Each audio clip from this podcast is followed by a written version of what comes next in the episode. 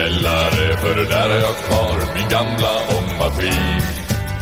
Jag matar metatabletter i den lyssnar. Hej och välkomna.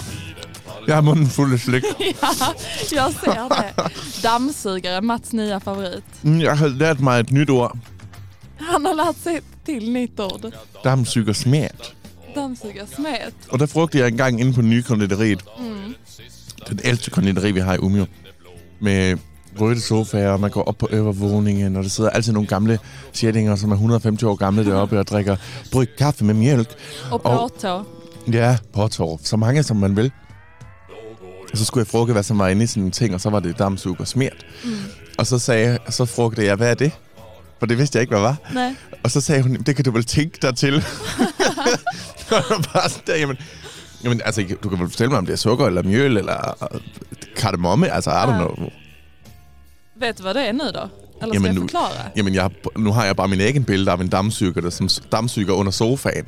og så tager man ydt den pose, blander det med lite sukker og mjölk, og så får man en smert. Det är ju resterna från, det andra, från de andra bakverken som hamnar i en dammsugare. Mm. Supergott. Så det, Det smager pissegodt jo.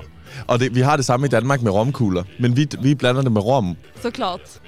Idag är det kallt ute. Min, eh, håret i mina näsborrar frös på vägen hit. Hvordan fanden ved du det?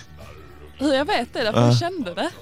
Nå, klarer de op? Lad os bare starte. Dagens schema. Ja, vi skal prate lidt om, øh, hur arv kan manifesteres inom kunsten, inom politiken, Mm. og hvordan det kan være et magtværktyg.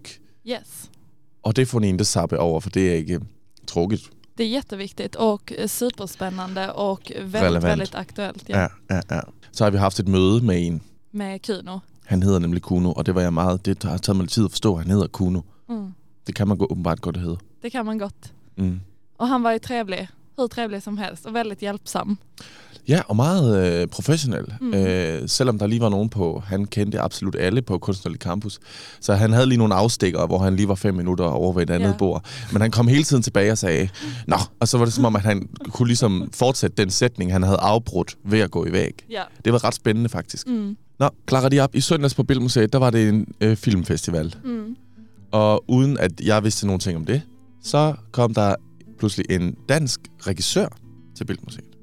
Og började berätta om hendes kunstnerskab, og hun viste op sin film. Og det var utrolig, utrolig spændende. Øh, Foruden om at have en rigtig trevlig dag med Louise Hollerup, som hun hedder, så øh, gav det mig også ganske mycket kobling til alt det, vi holder på med. Och vad heter hennes film? Filmen den hedder Billeder av dig, og det handler om de billeder, som hun har fundet i hendes egen kælder, formoder jeg, eller hendes bedsteforældres kælder, som hendes mormor har taget, øh, mens de boede i Grønland på 60-tallet. Och vad var det som hände på 60-talet? Grønland var jo en dansk koloni i lang tid, officielt til 1979, men som værende et land, som fortsat er bygget på danske strukturer, hvor man fortsat prater dansk, og fortsat findes dansk kultur, så kan man diskutere, om de altså fortsat er en slags koloni. Specielt hvis man tænker på virksomhedsinteresser, naturressourcer og alt sådan der, så har Danmark jo fortsat vældig mye at sige i Grønland. Mm. Men det kobles jo mere til neokolonialism. Det, som er spændende, er, at man under 60-tallet kunne tage til Grønland skattefrit Ja. og tjene mange penge, hvis man ville jobbe inden sjukvård eller skole. Mm. Eller administration, tror jeg det var. Men det gjorde det dumme. Og det var altså billeder derifrån. Og filmen frågade, kan man prate om sin mormor, om kolonial arv?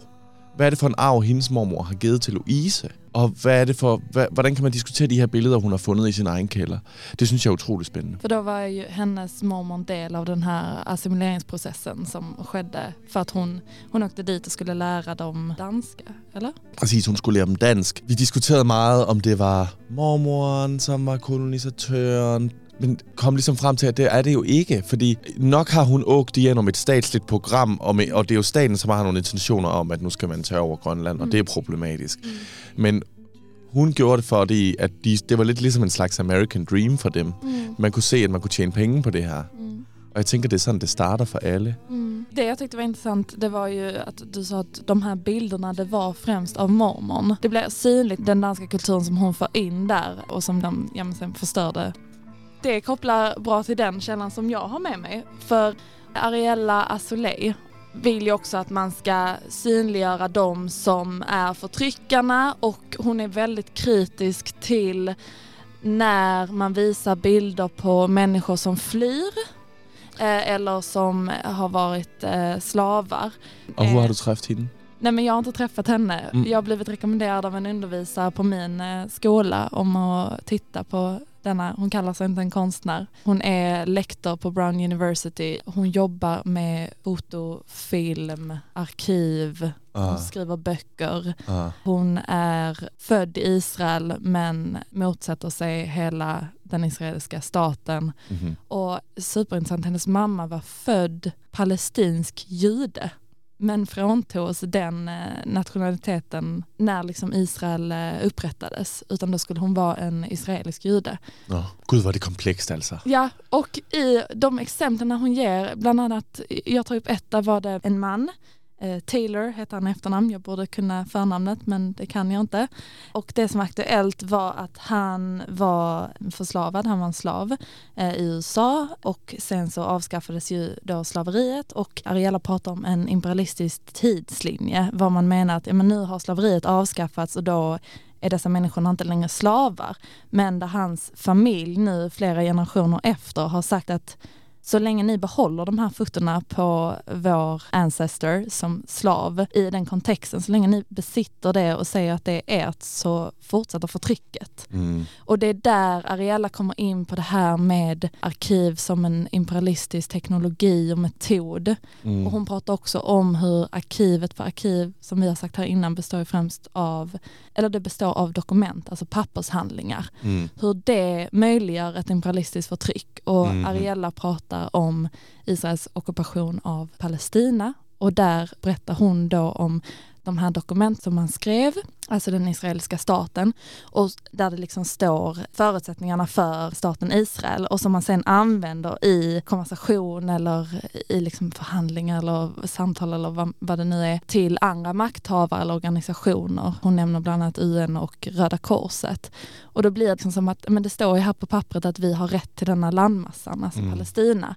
Jag minns från min farfar, han har många gånger sagt det här, men det var ju våra olivodlingar. Ariella trycker på den här auktoriteten som dokument och då också arkiven har Mm. och som eh, har en mycket större värde i en imperialistisk värld än vad då rättigheter genom föremål och historier och människors liv har. Mm. Mm. Väldigt cool författare och konstnär. Hur kopplar det sig till det vi ska hålla på med?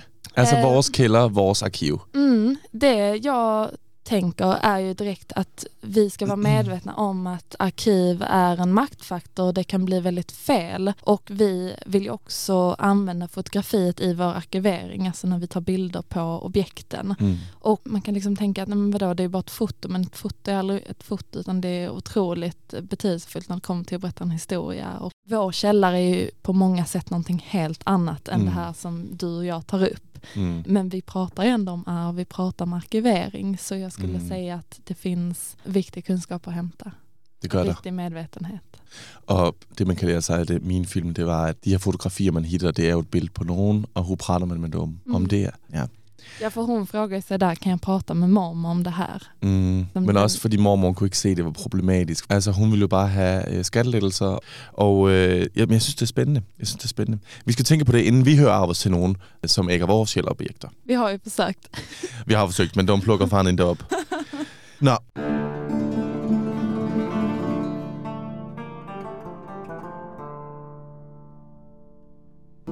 Clara, du ringede til mig i går, så sagde du, Mads, har du tid til lige at spise frokost?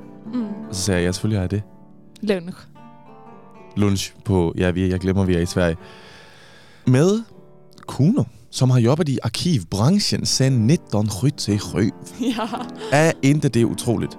Kuno kom jag i kontakt med via Mark Regell, som är en konstnär som har lovat att börja lyssna på våra radioprogram. För han tyckte de var jättebra. Shout out. Jag visar shoutout. Och då tipsade han ju om sin pappa som du sa är en duktig arkiverare här i Umeå. Första arkiverare sa han vid något tillfälle. Eh, han har jobbat på både... Umeås første. Nej, alltså första arkiverare, jag tror det är liksom positionen man har i ett arkiv. Ah, det han var den første. Inte, inte Umeås första arkiverare, det tror jag. Det tror jag inte. Så gammel var han ikke. Så gammal var han absolut inte. Nisse Bäckman var gammal i hvert fall. Han namedroppade hela tiden folk. Ja, och du visste så många referenser. Ge oss lite från din notebook. Vi har en masse grejer nede i kælderen, som kan kobles direkte til personer. Mm. Vi har til og med fundet ting, hvor der står fulde navn bak på. Ja, Og der er det jo vigtigt, at man tager räder på de personerne. Det sagde Kuno. Tag räder på personerne, inden I börjar göra undersökningerne. Og så sagde han også, at man skulle ikke være rädd for bare at høre af sig. ja. Og siger, hør lige her, jeg har fundet dine gamle skistøvler. Mm. Hvad med, at de kommer at bl- blive en del af mit Ja. arkiv?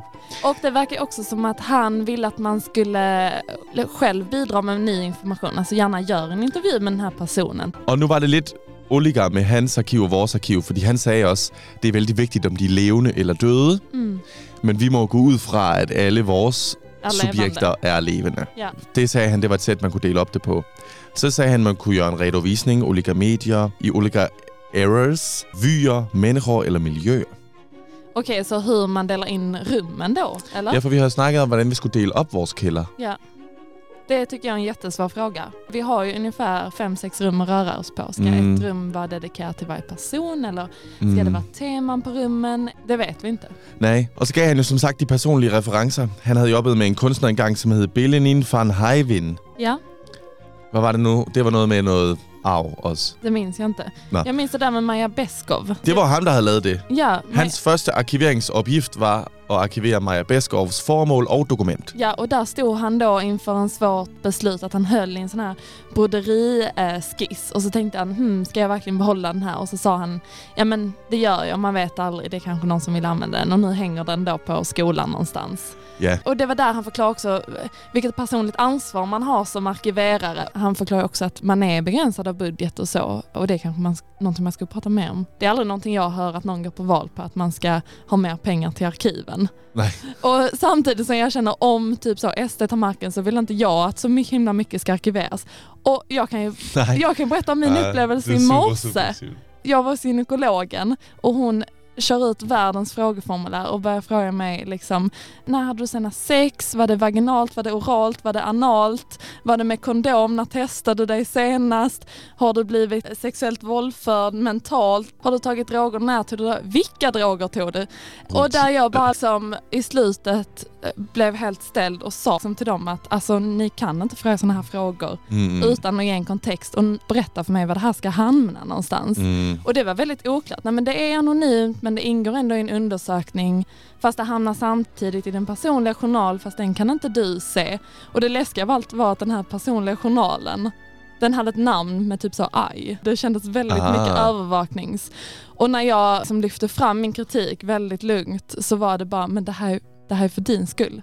Och det är någonting jag tänker att man har använt sig av väldigt mycket historiskt. Bara, Mm. men vi gör det här för din skull gumman. Ja. Jag tycker bara man ska vara väldigt kritisk. Även om det i slutet går till någonting bra så är det ju hela tiden frågan om vem, vem sitter på den informationen, hur används Mm. den? Och jag upplever att många är väldigt okritiska till att övervakas. Ja. Man bara visar de bra eh, fördelarna och mindre våld, man kan ta fast brottslingar men så, så glömmer man att övervakning är liksom en av grundpelarna i en totalitär stat. Ja. Lite sidospår men superviktigt. Et vigtigt sidespor, fordi det var også det, som Kuno konkluderede med, inden han tog den sidste slurk af sin kaffe, så sagde han, det er altid en risk at være arkivarie. Ja.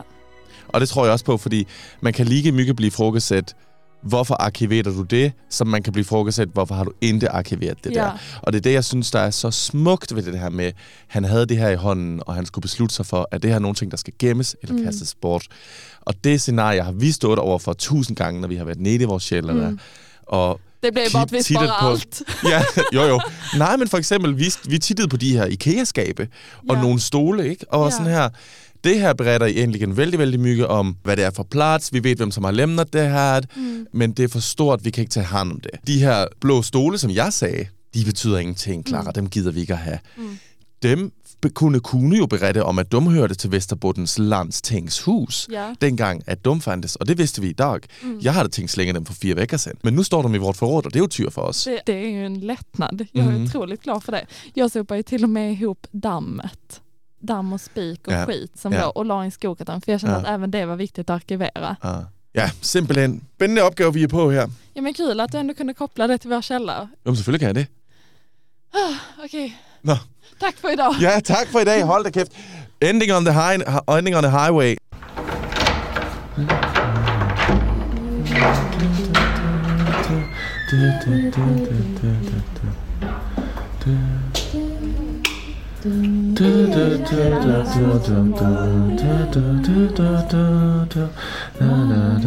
Det var det hele for i dag.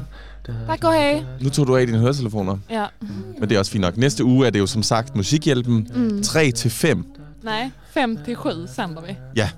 Det er som om det her det handler mere, vi skulle næsten kalde det arkivsnak, altså fordi vi har snakket om kiv rigtig længe nu. Mm.